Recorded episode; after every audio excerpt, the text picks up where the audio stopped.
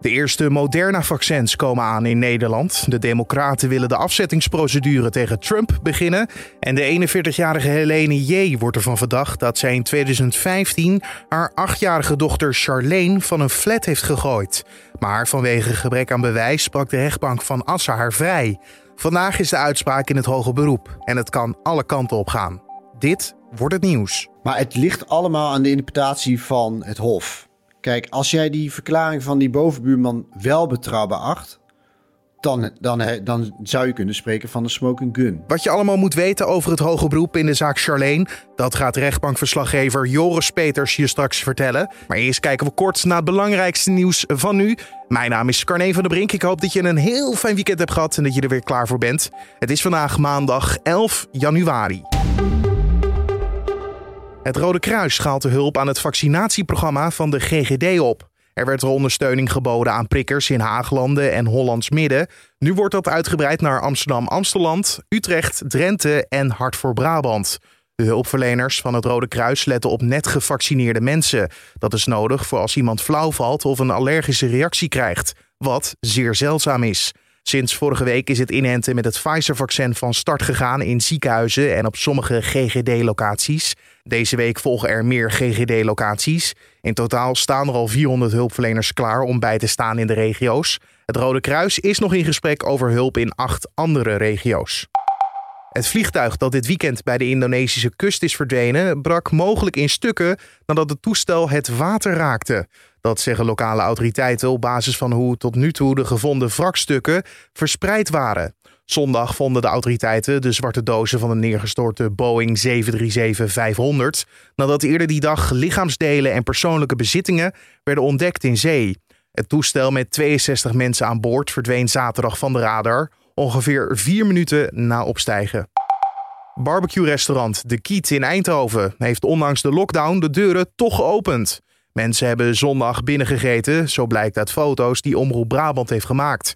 Op de foto is ernaast te zien dat er een bord voor het pand staat met hierop de tekst dat binnenkomen zonder een mondkapje geen probleem is. De twee eigenaren van het restaurant kwamen vrijdag tot dit besluit omdat voor hen naar eigen zeggen de maat vol is. De gemeente heeft een waarschuwing gegeven aan de eigenaren en als het restaurant nogmaals de deuren opent, gaat het restaurant voor onbepaalde tijd dicht, al dus de gemeente. Nederlandse criminelen wassen steeds vaker illegaal verdiend geld wit in Afrikaanse landen zoals Oeganda en Kenia. Ze kopen daar bijvoorbeeld grondstoffen als diamanten en goud met contant geld om deze te exporteren en te verkopen. Dat vertelt scheidend directeur Bert Langerak van de FIOD in een interview met het AD. Afrika is rijk aan dure grondstoffen, dat ervoor zorgt dat het een opkomend continent is om misdaadgeld wit te wassen. Het goud en de diamanten worden overal ter wereld verkocht. En van de opbrengst wordt bijvoorbeeld weer een hotel in Amsterdam gekocht. Al dus Bert Langrak van de Fiat. Vandaag zal het gerechtshof in Leeuwarden uitspraak doen in het hoge beroep in de tragische zaak rond de achtjarige Charlene. Het ging in 2015 in een flat in Hogeveen heel erg mis. Wat er precies gebeurde in de nacht van 7 op 8 juni, dat vroeg ik aan rechtbankverslaggever Joris Peters. Ja, wat er zich die nacht heeft afgespeeld is dat de politie rond half twee een melding krijgt dat er iets is gebeurd bij een flat in Hogeveen. En daar aangekomen eh, zien zij het lichaam van Charlene eh, op de grond uh, liggen. Uh, en uiteindelijk komt ook de moeder naar beneden lopen. En eigenlijk moeten ze haar duidelijk maken wat er is gebeurd. In plaats van dat ze naar haar dochter loopt, loopt ze naar haar auto. Hè, ze is onder invloed. En ook waarschijnlijk op zoek naar sigaretten. En dan maakt ze haar duidelijk dat haar dochter is overleden. Uh, waarop ze behoorlijk in paniek raakt. En dan eigenlijk uiteindelijk uh, mee wordt genomen voor een verhoor. Het Openbaar Ministerie besluit eigenlijk in eerste instantie om niet over te gaan tot vervolging. Omdat ze geen uh, aanwijzingen zien voor een misdrijf. Maar de man die zich beschouwt als de vader van Charlene, die ehm, start een zogenaamde artikel 12 procedure. Dat is een stap naar het Hof, die dan alsnog kijkt of er wel genoeg aanwijzingen zijn, bijvoorbeeld voor een misdrijf.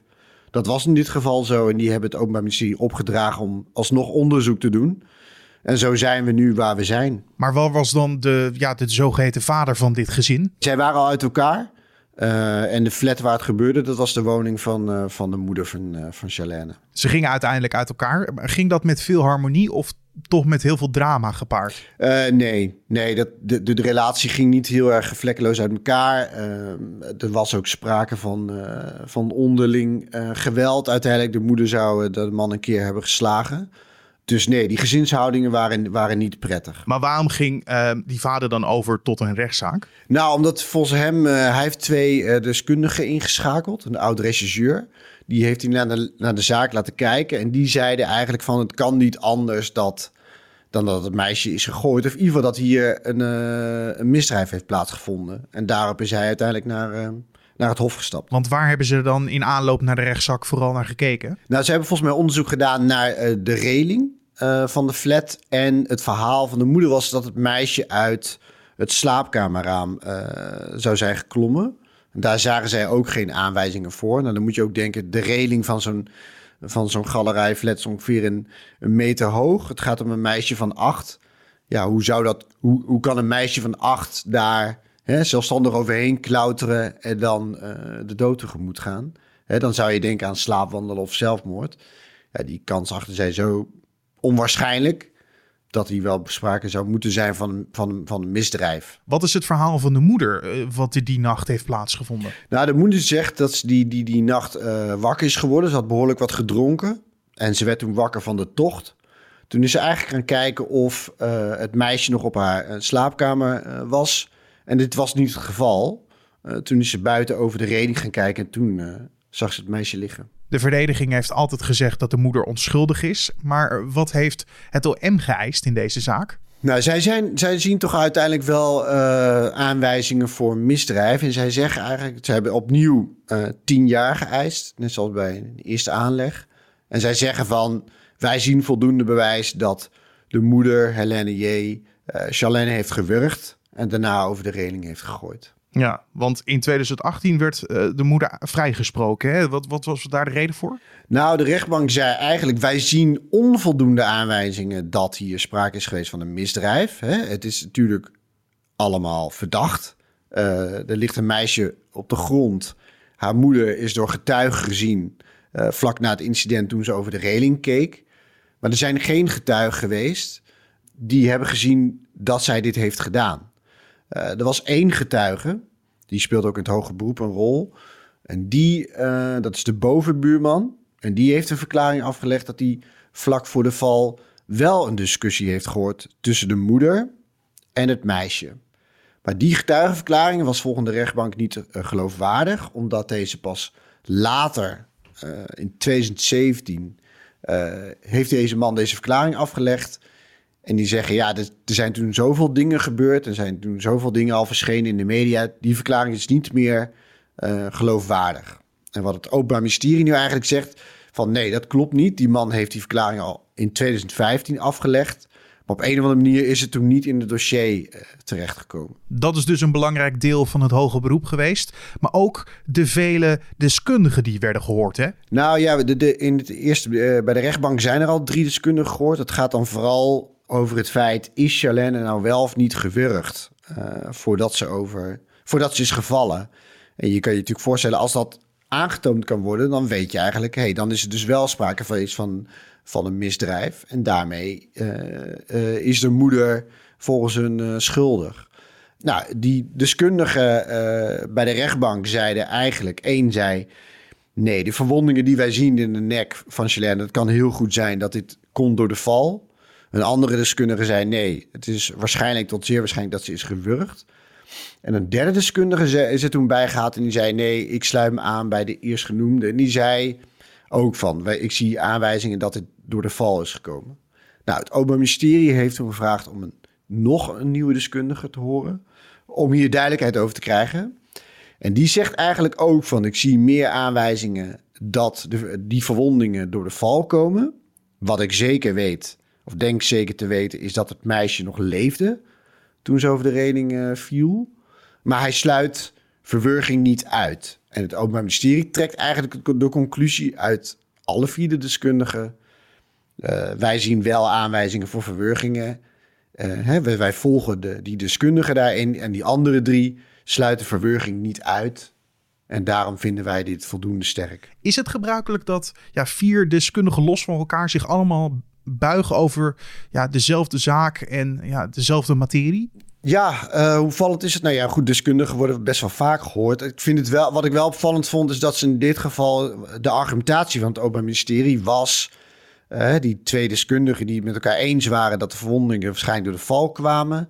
Dat zij daar een beetje van opperden van dat het, dat het omdat het vrienden van elkaar waren, bekenden van elkaar waren, dat ze daarom allebei hetzelfde vertellen. En het gaat hier wel om deskundigen van het Nederlands Forensisch Instituut.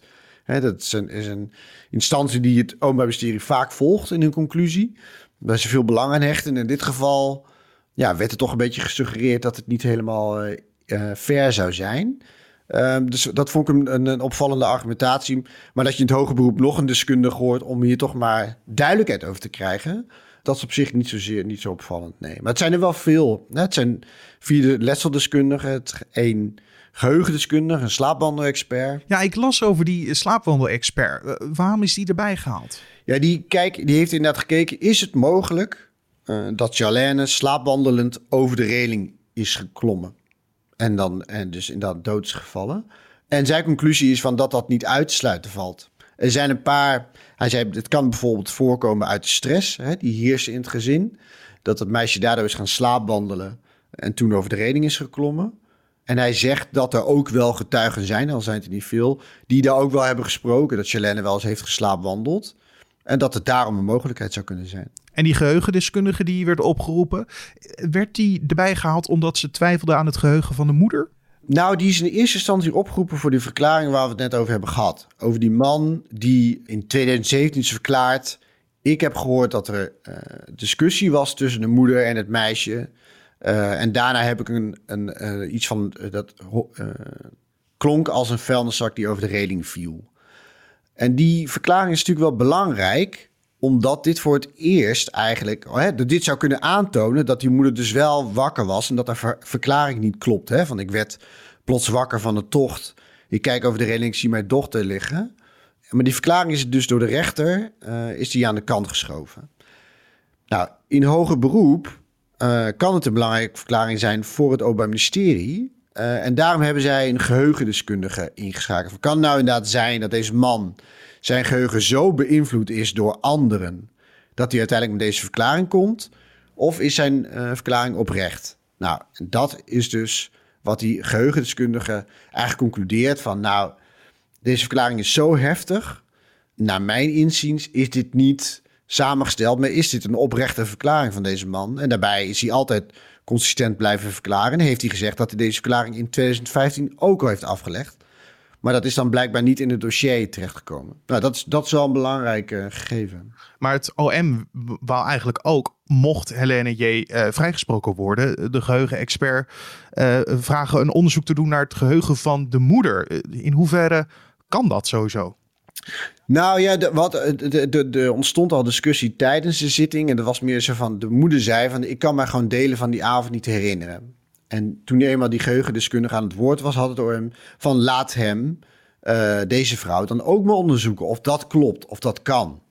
Uh, dat heeft het Hof toen uh, afgewezen. het Openbaar Ministerie heeft daarop alsnog het verzoek ingediend van, mocht u hè, er niet uitkomen met, of mocht u neigen naar vrijspraak, kom dan wellicht met een tussenvonnis en laat deze deskundige alsnog deze mevrouw op dat vlak onderzoeken. Afsluitend Joris, vandaag uh, de uitspraak dus in het hoge beroep. Kan het nog alle kanten op gaan omdat er dus ja, echt het keiharde bewijs ontbreekt, de, de smoking gun? Nou ja, kijk, er is, er is natuurlijk een reden waarom er zoveel deskundigen worden gehoord. Maar het ligt allemaal aan de interpretatie van het Hof. Kijk, als jij die verklaring van die bovenbuurman wel betrouwbaar acht, dan, dan, dan zou je kunnen spreken van een smoking gun. Maar dat, is, dat ligt dus allemaal aan de interpretatie. Uh, want je hebt het ook, ook bij mysterie wat weer zegt. Uh, wij zien duidelijke tekenen voor verwurging. Nou, het Hof kan heel goed zeggen, nou wij horen drie deskundigen die dat inderdaad niet uitsluiten. Maar meer neigen naar uh, dat het komt door de val. Ja, het is, het is aan het Hof om de, om de conclusie te trekken. Rechtbankverslaggever Joris Peters was dat over de uitspraak in het hoger beroep rond de zaak Charlene. Om één uur wordt de uitspraak verwacht. En dit staat er verder te gebeuren vandaag. De eerste Moderna-vaccins komen vandaag aan in Nederland bij een opslagbedrijf in Os. Pas later gaan ze naar de locaties waar mensen daadwerkelijk worden ingeënt. Wie dat worden is nog niet helemaal zeker. Minister De Jonge heeft eerder gezegd dat hij het wil inzetten bij ouderen, bewoners van verpleeghuizen en instellingen voor mensen met een verstandelijke beperking. De Gezondheidsraad brengt daar mogelijk vandaag al een advies over uit. De Democraten presenteren vandaag in het Huis van Afgevaardigden een wetsartikel dat de afzettingsprocedure tegen president Trump mogelijk moet maken. Of die zogeheten impeachment daadwerkelijk slaagt, dus of daaruit blijkt dat Trump weg moet, is nog maar de vraag. Er is een tweederde meerderheid voor nodig in de Senaat. En met nog negen dagen te gaan voor Joe Biden het presidentschap overneemt, wordt het een race tegen de klok. En vandaag is de uitspraak in de zaak rond de vondst van een groep dode Vietnamese vluchtelingen in een koeltruck in Groot-Brittannië in oktober 2019. De 39 Vietnamezen hadden duizenden euro's aan mensensmokkelaars betaald om van België naar Groot-Brittannië te reizen, maar stikten onderweg. De 24-jarige Noord-Ierse chauffeur en een 43-jarige Brits-Roemeense betrokkenen zijn schuldig bevonden aan mensenhandel en doodslag. En mogelijk blijven ze levenslang in de cel zitten. En dan het weer van Weerplaza. Vandaag is het grotendeels bewolkt. Tot de avond is het overwegend droog. En bij een matige tot krachtige zuidwestenwind wordt het 3 tot 7 graden. Vanavond en vannacht valt op steeds meer plaatsen regen. Lokaal kan zelfs veel neerslag vallen. Kouder dan 3 tot 7 graden wordt het niet. En morgenochtend trekt de neerslag weer weg. In de middag schijnt van tijd tot tijd de zon. Alleen in het noorden valt nog een enkele bui. De middagtemperatuur ligt rond de 6 graden. En dan zijn we alweer aan het einde gekomen van deze podcast. Niet voordat ik je heb verteld dat we natuurlijk te vinden zijn in je favoriete podcast-app. En dan moet je denken aan een Spotify, Apple Podcast of Google Podcast. En natuurlijk elke ochtend en middag op de voorpagina van nu.nl. Je kan ons helpen de podcast beter te maken door ons uh, ja, een vraag te sturen over de podcast. Uh, feedback, suggesties, stuur die allemaal door naar ons mailadres podcast.nu.nl. Nogmaals, podcast.nu.nl. Mijn naam is Carne van der Brink. Maak er een mooie dag van en dan tot de volgende.